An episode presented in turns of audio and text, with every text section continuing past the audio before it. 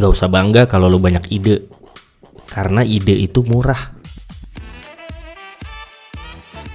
Gak usah tinggi hati kalau habis dapet inspirasi, karena inspirasi itu fana. Ditinggal sebentar juga lupa.